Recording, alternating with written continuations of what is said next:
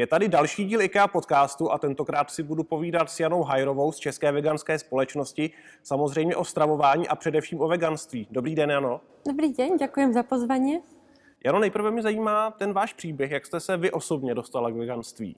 Tak já jsem se k veganstvu dostala zhruba před 9 rokmi a prešla som tak vlastně mm, na veganskou stravu po několikých rokoch vegetariánstva a ten motiv byl e, čisto etický. A neskôr sa k nemu teda pridali aj ekologické dôvody a ten zdravotný to vnímám už iba ako taký benefit. Ale nebyl to hlavní motiv. Jaké jsou ty hlavní momenty, které člověka přimějí k tomu, že si řekne, zkusím nějakým způsobem změnit své stravování, třeba začnu jít vegetariánsky nebo vegansky. Víte, co jsou ty nejčastější momenty?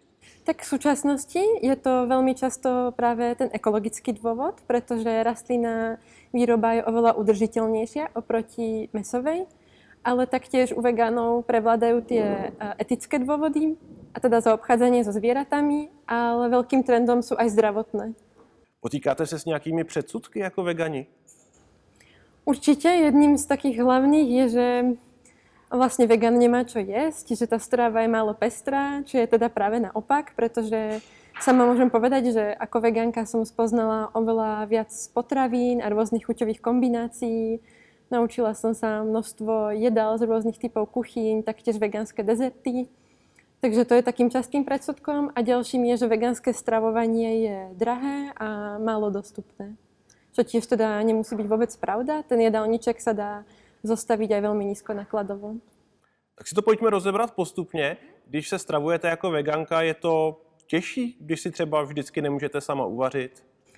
No pre mňa to už ťažké nie je, pretože mám to už zabehané niekoľko rokov, ale určite to môže byť ťažšie pre niekoho, kto s tým začína a ešte sa snaží iba zorientovať v tých potravinách, nepozná ešte možno tie mnohé vegánske alternatívy, tak tam je dobré, aby sa tí ľudia v obchodoch orientovali napríklad podľa rôznych vegánskych certifikátov, ktoré ten nákup uľahčujú a tiež si zistili niečo o výžive. To vlastne s Českou vegánskou spoločnosťou. Jedna naša činnosť je osvetová a usporadujeme rôzne prednášky a webináre, kde sa vlastne ľudia môžu dozvedieť, ako sa stravovať vegánsky a zároveň vyváženie.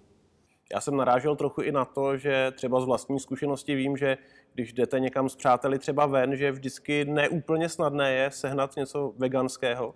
No v tomto je naozaj dôležité uh, dobre plánovať a dohodnúť miesto, kde tieto možnosti sú, čo vo veľkých mestách dnes už vôbec nie je problém.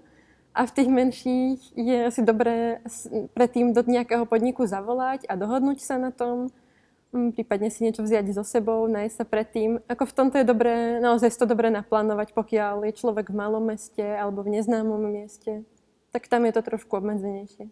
No a zmínila jste i tu cenovou dostupnost, tak uh, pořád platí, že stravovat se vegansky je dražší, než když člověk neřeší moc, co jí? Mm, nie, to vůbec nemusí takto platit. My jsme dokonce aj porovnávali dva jedálničky, jeden taký klasický a jeden vegánsky vlastně je to na našem webe a vyšli velmi porovnatelně. A dali jsme do zrovnania podobné typy produktov, akurát v rastlinnej verzii, napríklad aj pizzu z donášky a, a podobně. Vyšlo to o niečo levnejšie vegánsky, ale samozrejme ten jedálniček môže byť aj drahší, pokiaľ človek kupuje samé spracované produkty, alternatívy mesa a podobne, ale taký ten vyvážený jedálniček vegana by mal stať hlavne na tých celistvých potravinách. To znamená lušteniny, obiloviny, čerstvá sezónna zelenina a ovocie a v tomto případě to vidí lacnější. Jak řešíte příjem látek, které hodně souvisí s masem, asi bílkoviny a potom nějaké další, třeba železo a tak dále? Tak čo sa týka tých bílkovín, tak to je možno aj takým častým mýtom, pretože mm, vegani nemajú žiadny problém s dostatkom bielkovín. Pokiaľ majú dostatočný kalorický príjem, tak bielkoviny obsahujú lušteniny, obiloviny aj zelenina. Ako v tomto problém nie je, ale skôr, čo si musia, na čo si musia dávať pozor, tak to je vitamín B12, ktorý musia doplňovať. A, no a to je také hlavné. Prípadne ešte vápnik, ale to sa dá tiež veľmi ľahko odsledovať, nastaviť si ten jedálniček vlastne správne a vtedy to nie je problém ale jako mm, bělkovinovým deficitem vegani rozhodně netrpí. Dá se říci, u jakých skupin lidí je veganství nejpopulárnější? Uh-huh. Aj podľa posledných dát od agentúry Ipsos vieme, že túto stravu či vegánsku alebo flexitariánsku, uh, volia väčšinou mladí ľudia v takom vekovom rozmedzi do 35 rokov. A čoraz populárnejšie je to z ekologických, etických dôvodov, vegánstvo u študentov, u mládeže vlastně. Ještě jeden z mýtů, který třeba já osobně částečně vnímám, je, že vegani, vegetariáni jsou tak trochu jako podivíni. Eh, setkáváte se s tím někdy, že na vás lidi koukají trochu jinak? No, ja to môžem aj porovnať, tým, že som vegánka už naozaj veľa rokov, tak v tých začiatkoch to tak naozaj bolo a v drvivej väčšine som sa stretla s absolútnym nepochopením.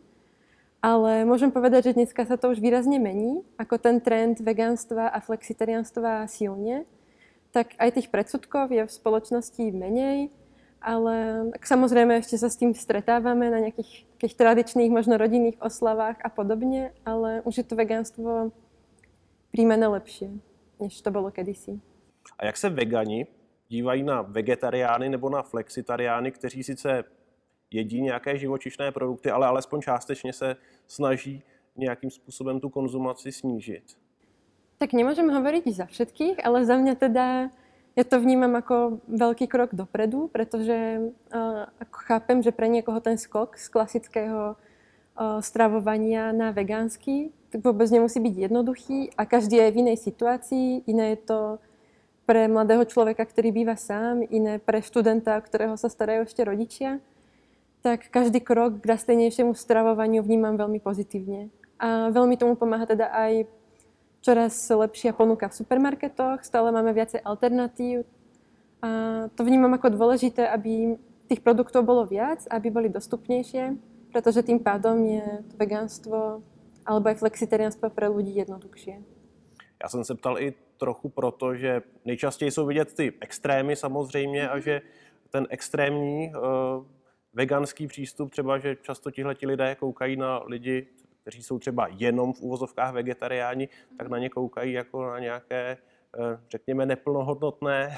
Ono se toto možno tak zdá, protože možno ty extrémne hlasy počuť najviac a jsou najhlasnější, ale naozaj ľudí z komunity, s kterými se stretávám, tak to skôr uvítají každé to zlepšení smerom či už k vegetariánstvu, alebo aj reduktariánstvu. Z průzkumu víme, že 9 z 10 Čechů konzumaci masa nějak neřeší, že konzumuje maso bez omezení. Čím to je, že Česku a předpokládám, že na Slovensku je ta situace podobná. Ehm, Češi prostě a Slováci maso jedí takhle, aniž by se nějak omezovali. Tak my to pripíšeme dosť takým tým zaužívaným stereotypom a mýtom ohľadne rastlinnej stravy. A tiež e, ešte, ešte stále sú tu také zastaralé výživové doporučenia a ľudia proste sú presvedčení o tom, že meso potrebujú z výživového hľadiska nevedia a nie sú si istí, ako ho správne nahradiť, aby im v strave naozaj nechýbalo, tak asi toto, no. Ten taký.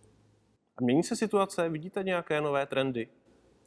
Určite vnímame ten silnejúci trend eh, flexitarianstva. A vlastne to vieme aj z prieskumu agentúry Ipsos, že až 28% ľudí plánuje vlastne v budúcnosti znížiť svoju spotrebu živočišných produktov. A to je zaujímavá cieľová skupina práve aj pre výrobcov rôznych potravín. A jak se v posledních letech mění nabídka na českém a slovenském trhu, pokud jde o rostlinné alternativy? Tak veľmi výrazne. Kedysi uh, vlastne v bežných supermarketoch bolo k dostaniu tofu a nejaké rastlinné mlieka, ale dneska sú to už rôzne alternatívy, či už kuracieho mesa, hovedzieho mletého mesa, nespočetne druhov rastlinných jogurtov na báze ovsu, kokosa, soji alebo mandlí. A to isté platí pri rastlinných mliekách. IKEA teď přichází s novými bezmasými kuličkami. Co říkáte tomu, že i takhle velké společnosti, které mají velký vliv, hledají právě cestu k udržitelnému jídlu? Tak tam to právě vnímáme velmi pozitivně, protože samozřejmě IKEA má velké množstvo zákazníkov, ku ktorým sa môžu dostať tieto alternatívne produkty a tiež veľmi oceňujeme, že IKEA komunikuje tieto produkty práve s tou ekologickou myšlienkou a že sú šetrnejšie k životnému prostrediu. Takže sme za každú takúto iniciatívu veľmi radí a mala som aj možnosť guličky ochutnať a sú naozaj vynikajúce, takže doporučujem. Jano, díky moc, že jste byla hostem IKEA podcastu. Mějte se hezky. Ďakujem za pozvanie. S vámi se loučím, díky, že nás sledujete na YouTube nebo posloucháte na Spotify a dalších audiopodcastových platformách. Mějte se hezky a u dalšího dílu IKEA podcastu zase nashledanou.